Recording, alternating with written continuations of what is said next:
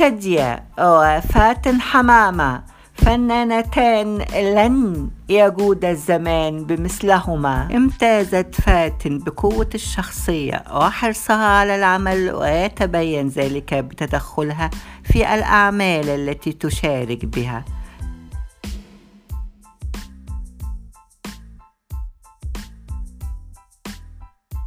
استمعت للراحلة شادية ذات يوم وهي تقول إنها كانت تشارك فاتن فيلم المعجزة والذي أخرجه حسن الإمام وكانت شادية حينها مشغولة في عمل آخر عليها أن تنجزه خوفا من الأضرار التي تتلحق بالمنتج. فما كان من فاتن إلا أن قامت بمراجعة دور شادية بدقة متناهية. فقد كانت شادية تذهب للاستوديو وتقرأ وتجلس مع فاتن لمراجعة ما ستقوم به دون كلل أو ملل من فاتن وكان المستفيد هو الجمهور الذي استمتع بأحسن أفلامها على الإطلاق. وشاهدنا واحد من أفضل الأفلام العربية.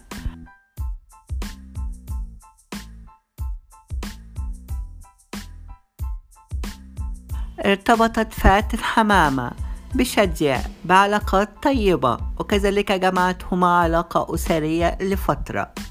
مثلت فاتن مع شادية أربع أفلام.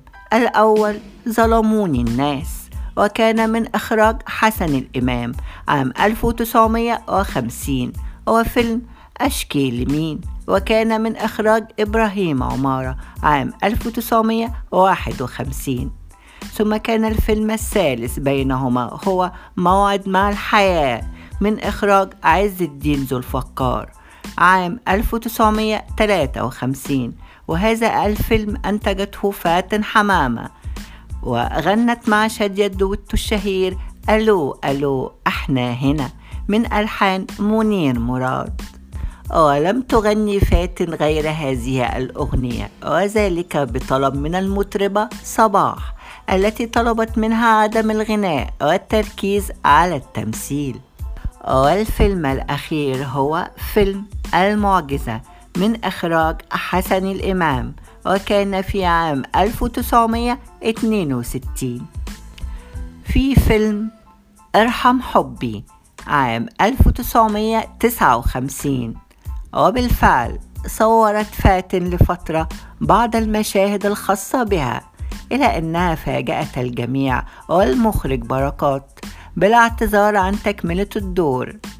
كانت فاتن تخطط لاقتحام السينما العالمية وإلحاق بزوجها عمر الشريف الذي لمع نجمه بشكل كبير ولتحقيق ذلك قررت تعلم اللغة الفرنسية. وبالفعل جلبت مدرسا لذلك وقامت وابنتها نادية ببدء التعلم. ومن الطريف هنا إن شادية بدأت هي الأخرى بذلك معهم. إلى أن شادية لم تكمل مشوار التعلم لارتباطها بأعمال فنية كثيرة مكتفية بما تعلمته.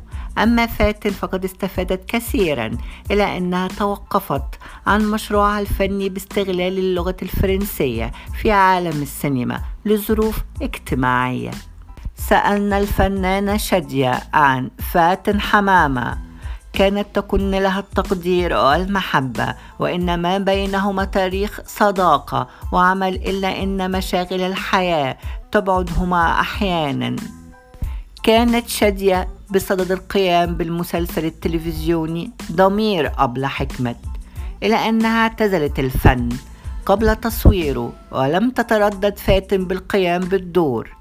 لإيمانها بأن شادية تعرف ما تقدم وبالفعل قدمته فاتن بشكل رائع. طال الحديث عن المنافسة بين فاتن وشادية ومن التي كانت تتفوق على الأخرى. وأرى أن الإثنتين تكملان بعضهما البعض. كانت شادية تمر بأزمة صحية حرجة وفي تلك الفترة توفت الفنانة فاتن حمامة. وأذكر حينها سألنا الأخ خالد شاكر ابن طاهر شقيق شادية والذي تعتبره شادية بمثابة ابنها. هل عمتك عرفت بنبأ وفاة فاتن؟ فأجاب لا. نحن نحرص على إخفاء جميع المجلات وأي جريدة. التي تكتب عن خبر الوفاة حتى لا تزيد متاعبها وهو الأمر الذي يدل على مدى قيمة ومكانة فاتن عند شادية من محبة خالصة. رحم الله فاتن ورحم الله شادية ويغفر الله لهما. لقد قدموا للفن العربي أعمالا خالدة تعد علامات مميزة في مجال الإبداع. شادية وفاتن حمامة. فنانتان لن يجود الزمان بمثلهما.